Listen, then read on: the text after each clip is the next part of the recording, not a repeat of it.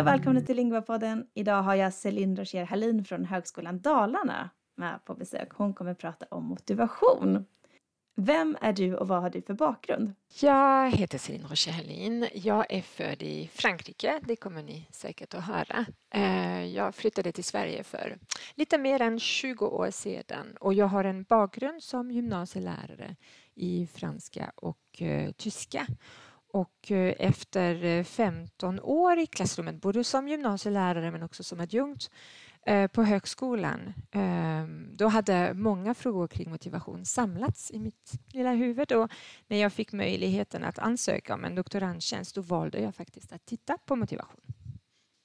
Det är vem jag är ungefär. Ja, Okej, okay, tack. Kan du berätta lite kort om din avhandling?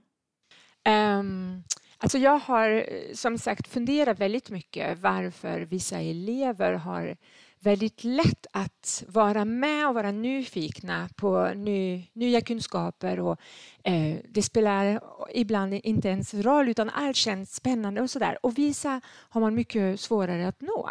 Eh, så när jag kunde nu eh, fördjupa mig i någonting tänker jag att det här eh, är någonting som skulle ge mig och förhoppningsvis då många andra eh, någonting positivt för att bidra till vårt arbete. Så min avhandling består av två studier.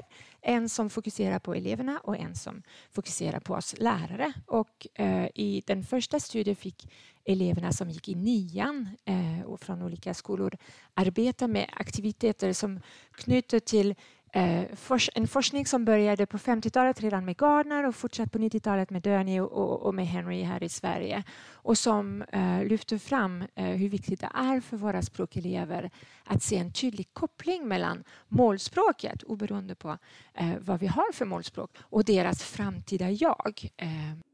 Forskning hade nämligen visat att människor som lär sig ett språk och kan med hjälp av anpassade eh, aktiviteter se sig själva använda det här målspråket i framtiden i deras konkreta planer eh, får en en högre motivation, en lust att, att uh, lära sig. Och då blev jag lite nyfiken på uh, om det här skulle också fungera med ungdomar, för det hade gjorts först och främst med studenter och sen med franska i mitt fall, för det hade gjorts först och främst på engelska. Så um, de eleverna i studien fick uh, till exempel föreställa sig att de hade, nått en, de hade gått ut trean i, sin, alltså i, den, i det här lilla roll de fick. Och de hade en jättebra nivå, ehm, men de ville bli riktigt ännu bättre och hade bestämt sig att söka sommarjobb i ett fransktalande land. Och de fick då ehm, Eh, många frågor att svara när de skulle komma in i detaljer.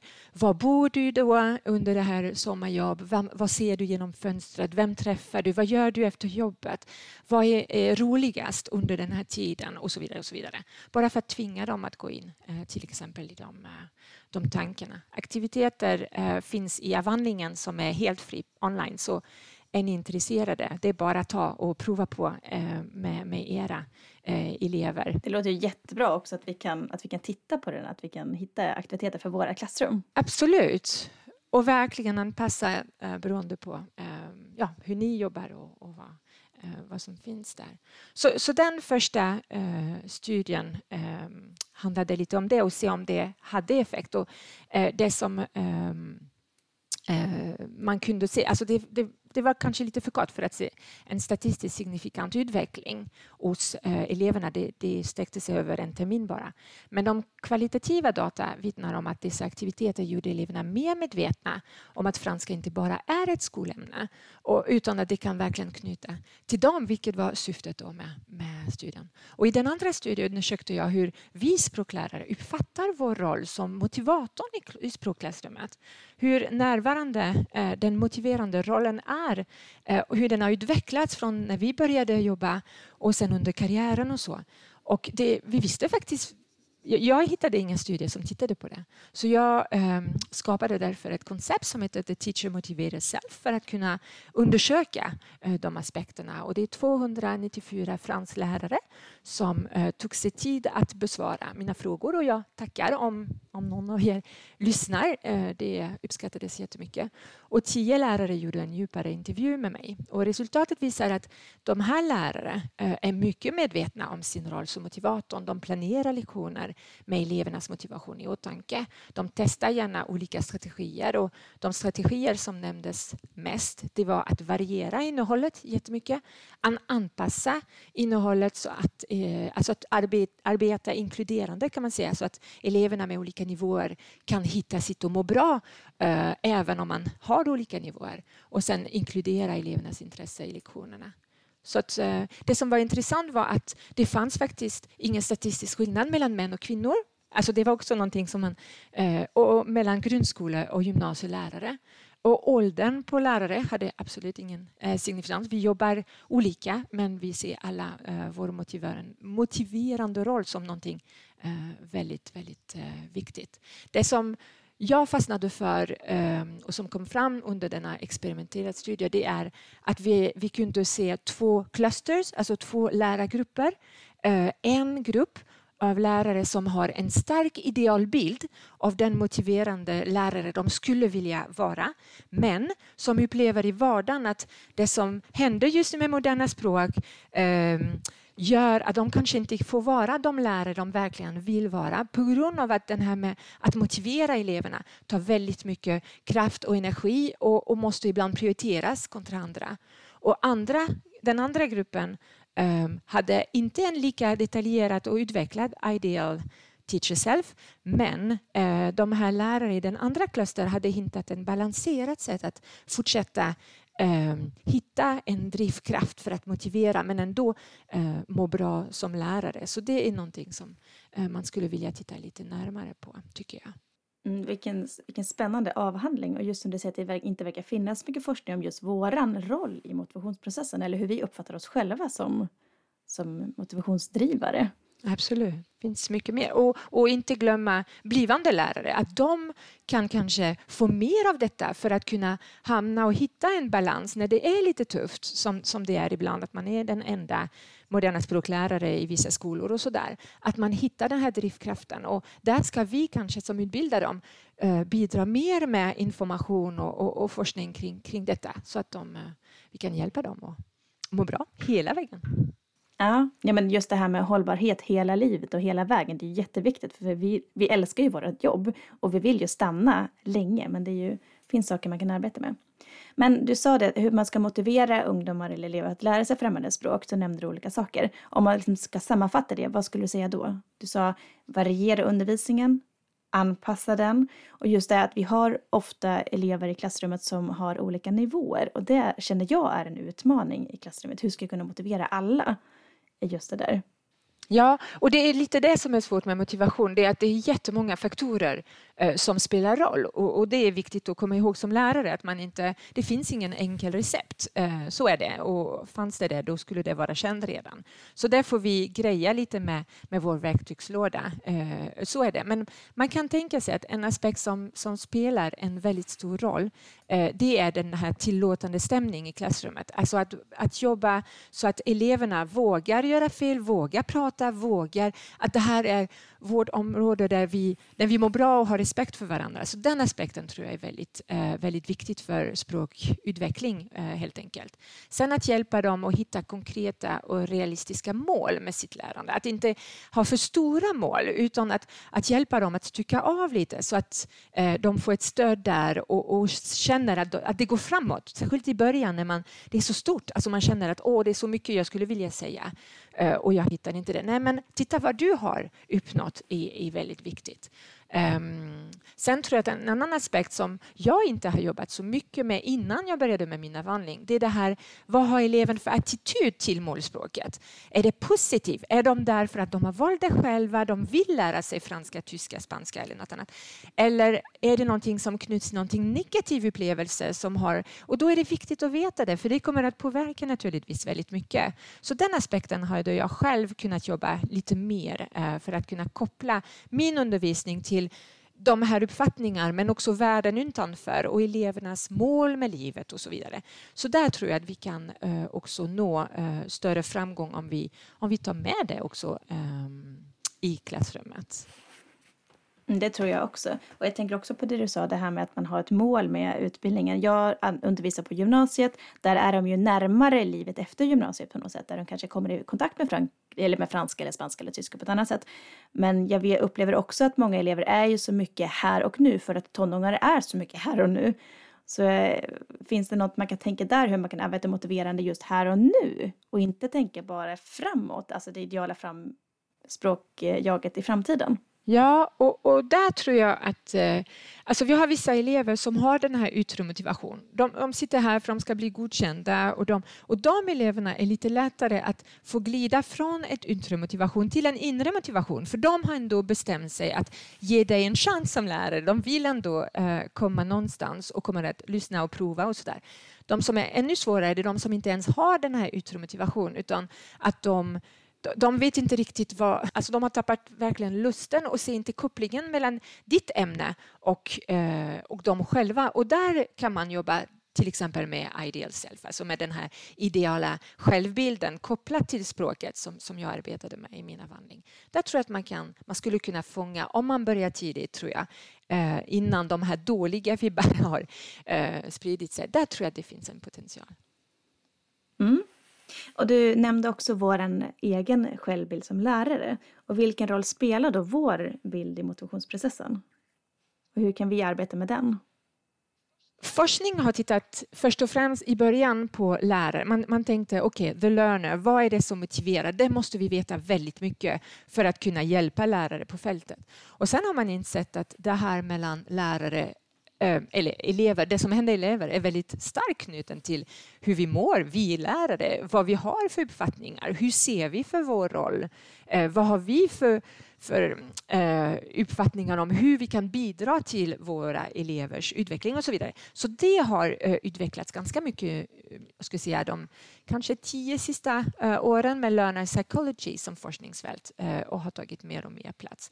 Eh, så nu har, har det här utvecklats och, och vi vet eh, egentligen mer och mer människor som Sara Mercer eller Magdalena eh, Kobanjova om ni vill titta på har gjort väldigt, väldigt mycket. Den här entusiasm för vårt yrke påverkar läraridentiteten väldigt mycket. Men arbetet i klassrummet, de möjligheter vi har att arbeta med det vi skulle vilja arbeta spelar eh, också roll. Så någonting som jag kom fram eh, i slutet av avhandlingen och som jag inte hade sett komma, det är till exempel att en faktor som, eh, om man tittade på korrelationer och så, som påverkade en utvecklad och detaljerad Teacher Motivated Self, det var att själv ha haft lärare som explicit försökte motivera sina elever och att det hade präglat väldigt mycket de lärare som, som kände alltså den här lusten att ge vidare och, och hjälpa och stödja.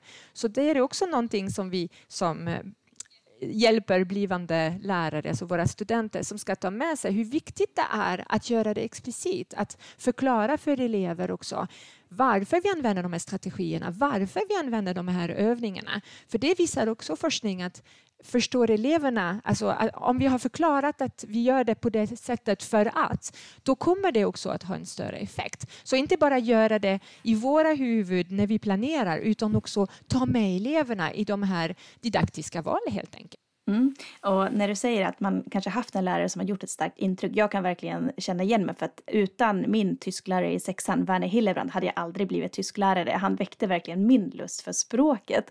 Och sen så fortsätter med det. Jag träffade honom också ett par år, ja, när jag själv hade undervisat ett par år som lärare och tackade honom för det. Du sa det, för det är eh, viktigt. Precis, jag sa ja, det. Vad härligt. Och för det är någonting det som man, man oftast inte hör det här, för eleverna går vidare och så mm. får man inte höra att man har eh, spelat roll. Så det, det var fint. Men det är viktigt det du säger, för att lärare som har en positiv självbild uh, som lärare, alltså, och det, det, visar forskning väldigt tydligt, de också är oftast de som vågar testa nya metoder, prova, inte ha någon stor prestige i att fortsätta på samma spår utan verkligen ta in, och det är också viktigt. Eh, de integrerar nya saker, de öppnar det för elevernas åsikter eh, och det, och det, det är oftast någonting som bidrar väldigt positivt till vår undervisning. Mm.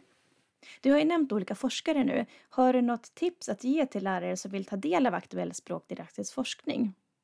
Ja, jag tycker att den här idén att göra en podcast är en idé som är, som är en riktigt bra idé. Jag tror att många lärare, för att koppla av, kanske ta en promenad i skogen och med hörlurar och då kan man kanske an, alltså, kunna använda den tiden. Så det tycker jag är jätte, jättebra idé. Och Stockholms universitet har också gjort en, en podd som heter Språklärarpodden. De har också olika teman som jag tycker också eh, är intressanta.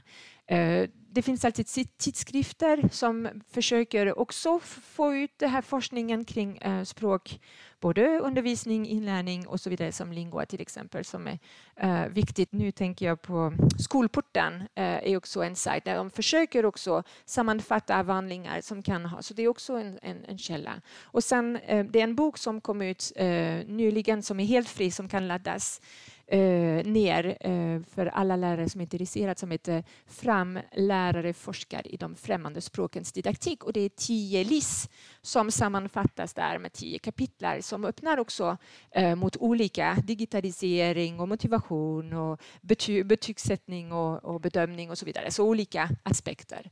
Eh, och sen finns det många 7,5, 6 poängskurser, inte bara på, på Högskolan Dalarna, men jag tror att vi är många som har språkdidaktik när man kan anmäla sig om man får tid eh, av sin rektor, där vi går genom ett område per eh, seminarium och där man kan diskutera de här frågorna. Vad säger forskning? Vad händer på fältet? Hur kan vi få det att fungera ihop? Så det finns eh, vägar eh, för att kunna följa med. Men jag, man har mycket att göra som lärare så jag är full medveten att eh, det, det är inte alltid lätt. Mm. Du nämnde just det här tid, att man får tid att diskutera för att vi kan ta del av väldigt mycket forskning och vi, eller vi, vi, skulle kunna göra det men vi behöver också tid att läsa och diskutera tillsammans i kollegiet. Vad betyder det här för just mina elever och våra elever, just ämneslaget? Och där är man kanske ensam tysklärare eller spansklärare eller fransklärare på skolan. Men eh, om det i alla fall finns två eller tre lärare kan man diskutera allmänna saker tillsammans. Ja, Språksprånget som eh, kom från Skolverket har till exempel byggt upp, tycker jag, på ett fiffigt sätt det här med, med frågor som man ska diskutera med kollegor. Och man ser också på Facebook att det finns flera grupper för språklärare som precis som du säger, känner sig lite ensamma och hitta där kollegor. Att, så man skulle kunna ha ett Zoom-möte med några kollegor och bestämma att en gång varje två månader, då har vi en halvtimme där vi har läst någonting tillsammans som vi vill prata om. Så att man, det är sant att det kräver att man kanske tar steget men, men, eh, men möjligheterna finns och jag tror att man känner en tillfredsställelse och man känner att, att man växer också för det är, det är en stor potential eh, för att man lär sig, tror jag, jag är övertygad att vi kommer att lära oss till sista dagen, till sista lektion kommer vi att hitta på nya vinklar och nya perspektiv på det vi gör. Vi är ju lärande människor, människan är otroligt kunskapstörstande. Okej, vi börjar närma oss slutet på den här podden. Men jag undrar, vad kan jag som lärare ta med in i mitt klassrum redan imorgon? Ja, jag skulle väcka några punkter. Som, några har vi nämnt redan, men de är väldigt viktiga. Det här är hur mycket vet du om varför dina elever sitter i ditt klassrum? Vad har de haft för erfarenheter med tyska, spanska, franska innan? Och, och vad tror de om sig själva och sin potential att kunna lära sig? De aspekterna tror jag är, är en bra grund att kunna bygga upp eh, sin undervisning.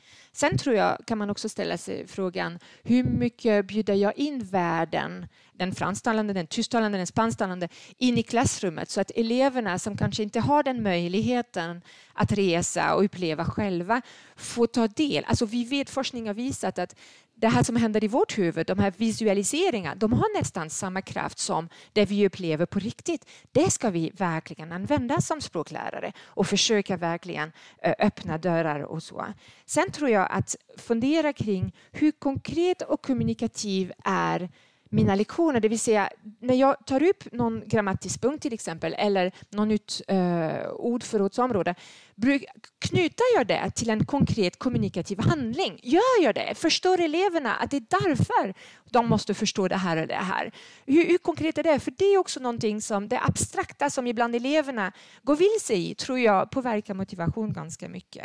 Och sen att säga till eleverna att den enda personen man kan jämföra sig med det är du själv för några månader sedan. Inte jämföra sig med andra. Vi har olika ryggsäckar som är fyllda på olika sätt och så är det. Och det är ingen fara med med det, utan vi ska alla utvecklas tillsammans med det och hjälpa varandra med de styrkor vi har. Men inte fokusera på att den och den pratar redan så mycket mer eller har redan så där mycket med sig. Ja, det kanske det är så. Men ingen fara, vi är här för att stödja och snart är din ryggsäck lika full som. Så titta på det tror jag är positivt och så. Eh, och sen att också inte glömma vad vet eleverna om hur man lär sig. Ibland har jag känslan att vi, kanske språklärare, inte talar så mycket om det. Hur fungerar minnet? Hur ska jag lära mig nya ord på bästa sätt? Hur gör du? Hur gör du? Varför? Kan vi utveckla strategier för vår grupp som fungerar för oss och verkligen diskutera det hela tiden och ta eleverna med det? Och sen stödja, pusha och vara krävande med mycket omsorg. Alltså att, att tro mycket om sina elever tror jag betyder mycket. Att eleverna känner att åh, Sara, hon, hon, tror verkligen att jag ska klara det här. det här. Då ska jag verkligen visa henne att det stämmer. Alltså att ha den här positiva attityden. att nej, jag kräver faktiskt det här för att jag tror verkligen att du, du kommer att klara äh, det här. Det är jag övertygad om. Och visa att man bryr sig. Det, det blir min sista. Alltså att, att vi, eh, ja, det är ganska självklart, men det är ändå viktigt att att när vi kliver in i klassrummet att det känns som en liten positiv vind som kommer in. Att vet ni vad, jag är så glad att jag finns här och det här är verkligen spännande. Det är klart att det påverkar också jättemycket, precis som vi blir påverkade när rektorn kommer in med lite who eller vet ni vad, det här kommer vi att göra. Det är klart att man är på ett annat sätt, så, så det ska vi också göra. Så många saker, men om vi tar små bitar då och då eh, tror jag säkert att det kan ha en positiv effekt. Ja, tusen tack. Nu tycker jag att vi har fått väldigt många verktyg i vår verktygslåda som du nämnde tidigare och jag tror att vi kan eh, starta den här höstterminen med många, att motivera våra elever i klassrummet. Jag vill säga tack till dig för att du var medverkare. Tack så mycket Sara. Tack till alla er som har lyssnat. Ni hittar extra material på vår hemsida, diskussionsfrågor ni kan diskutera med ett ämneskollegium och ni hittar också flera länktips. Så tack så mycket!